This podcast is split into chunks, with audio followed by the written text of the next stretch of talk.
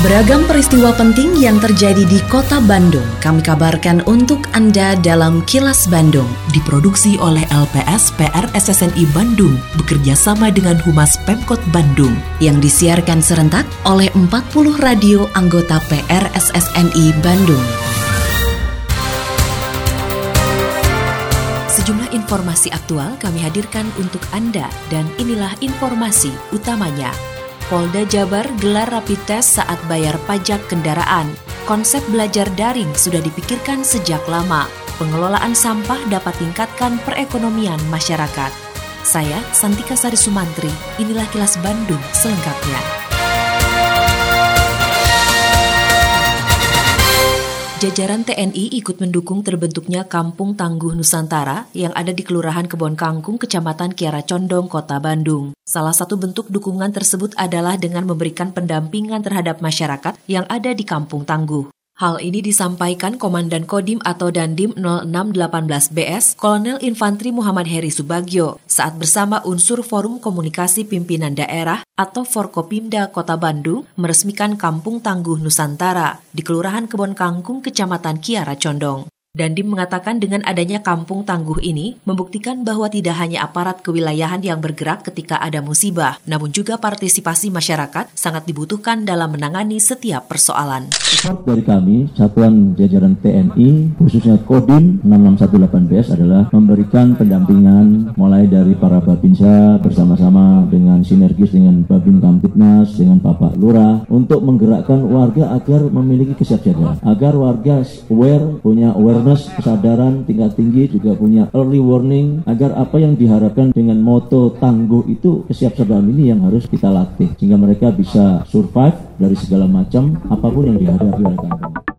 Pemerintah Kota Bandung akan terus berupaya memanfaatkan sampah organik hasil kegiatan masyarakat yang jumlahnya diperkirakan mencapai 750 hingga 800 ton per hari. Wali Kota Bandung Oded Muhammad Daniel mengatakan, selain memiliki potensi ekonomi yang cukup tinggi bagi masyarakat Kota Bandung, sampah organik yang dikelola dengan baik juga dapat mengurangi produksi sampah yang harus dibuang ke tempat pengelolaan sampah atau TPS. Menurut Oded, untuk pengelolaan sampah di tingkat warga ini, pihaknya menyerahkan sepenuhnya kepada aparat kewilayahan setempat untuk menentukan konsep yang akan dipakai dalam mengelola sampah ini. Sudah banyak RW yang tidak membuang sampah ke TPS misalnya. Kenapa? Karena selesai dengan sistem ini, Pak. Konsepnya adalah warga mandiri atau RW mandiri ini berangkat dari sampah saja, salah satu Sampah organik, saya minta, saya terus edukasi masyarakat, akan dikelola masyarakat, baik dengan sistem composting, biodigester, dengan sistem takak Singapura, sistem Loseda sekarang ada Loseda, ada Wasima, ada sisa makanan di dapur-dapur mereka. Kemudian ada juga dengan sistem Magot.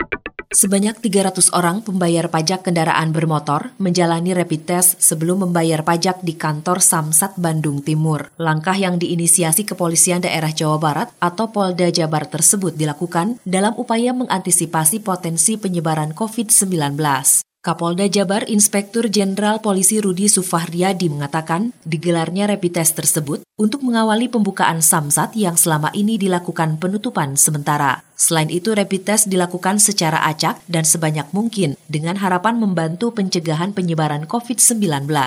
Menurut Kapolda, jika ditemukan sampel yang reaktif, petugas akan langsung melakukan penanganan. Untuk itu, Polda Jabar telah menyiapkan mobil ambulans sehingga dapat langsung ditangani di Rumah Sakit Bayangkara Sartika Asih Bandung. Hari ini saya bersama Kapolda bersama staf PJI semua di lantas mengawali kegiatan pembukaan samsat kita yang selama ini tutup dengan kegiatan rapid test. Protokol kesehatan dilaksanakan di sini. Jumlah yang akan di rapid test ini awalnya hanya 300. 300 orang pertama yang di sini kita rapid test. Wali Kota Bandung Oded Muhammad Daniel mengatakan sudah memikirkan konsep belajar daring atau online di Kota Bandung sejak lama, jauh sebelum terjadinya pandemi COVID-19. Menurut Odet, ia sudah meminta Kepala Dinas Pendidikan Kota Bandung untuk membuat konsep pendidikan secara daring tersebut. Bahkan jika perlu pemerintah kota siap meminjamkan fasilitas kepada masyarakat untuk mendukung pembelajaran secara daring. Hal ini dilakukan karena menurut Odet, tidak semua masyarakat, khususnya siswa, memiliki sarana yang memadai untuk mengikuti belajar secara daring atau online. Saya sudah minta kepada Pak Kadis dan jajaran untuk mempresentasikan bagaimana konsep daring di Kota Bandung ke depan. Ini bukan karena ada PSBB saja. Memang ini sudah menjadi konsep kami di Kota Bandung. Bagaimana konsep pendidikan Kota Bandung ke depan itu daring itu suatu keniscayaan. Apalagi sekarang dengan adanya pandemi ini. Saya sampaikan tanya kepada Pak Kadis, kan tidak semua warga masyarakat punya pasti fasilitas. Maka insya Allah Pak Kadis dan jajaran di distrik Kota Bandung sudah siap untuk secara bertahap nanti akan meminjamkan sarana untuk daring ini kepada masyarakat.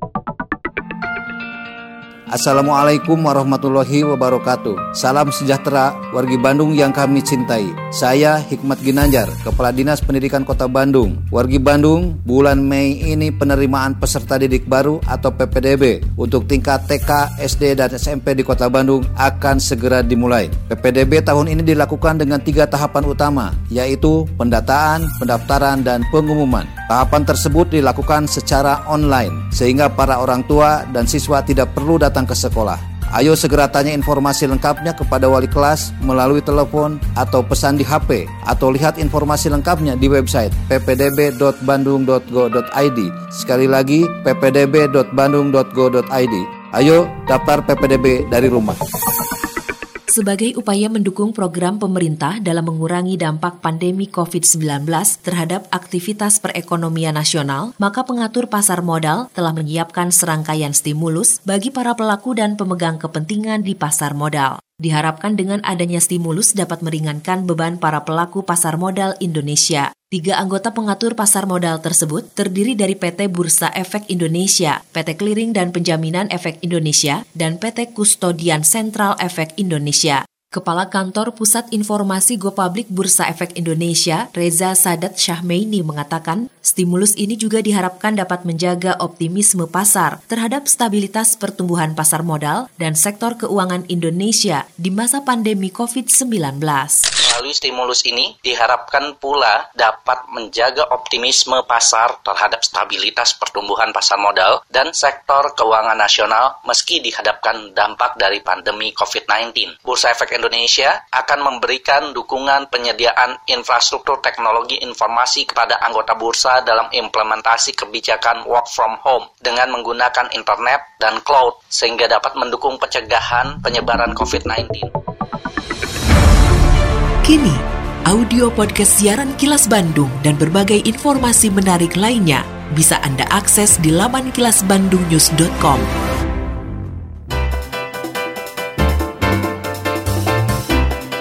Berikut sejumlah agenda kerja para pejabat Pemkot Bandung Senin 22 Juni 2020.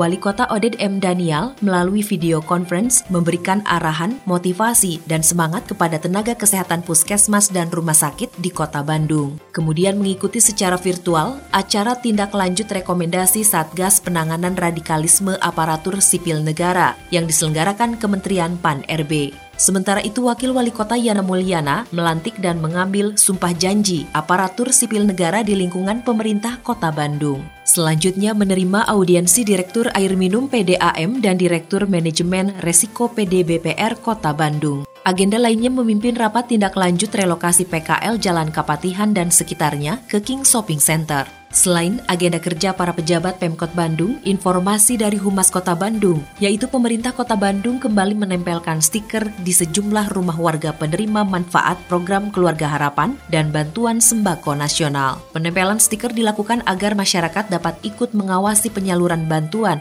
supaya tepat sasaran. Wakil Wali Kota Bandung Yana Mulyana berharap jika ada warga yang kondisi ekonominya naik kelas dan mendapat bantuan, dapat menyerahkan bantuan sosial yang diterimanya kepada warga yang lebih berhak, sehingga prinsip keadilan bisa tercipta di tengah pandemi COVID-19.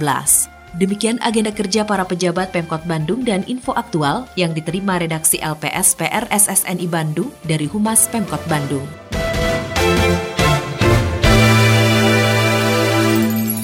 Terima kasih Anda telah menyimak Kilas Bandung bekerja sama dengan Humas Pemerintah Kota Bandung yang diproduksi oleh LPS PR SSNI Bandung.